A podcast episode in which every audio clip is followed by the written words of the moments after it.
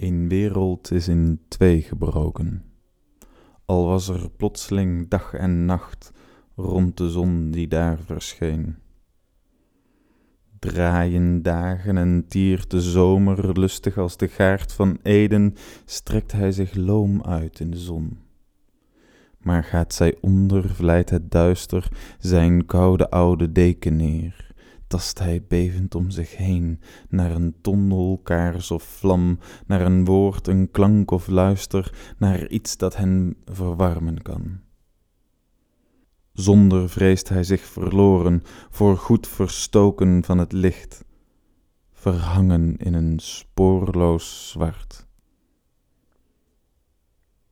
Versen zijn soms als een brug, waardoor het duister naam kan dragen zich in vol ornaat en zonder spijt in het zonlicht durft te wagen.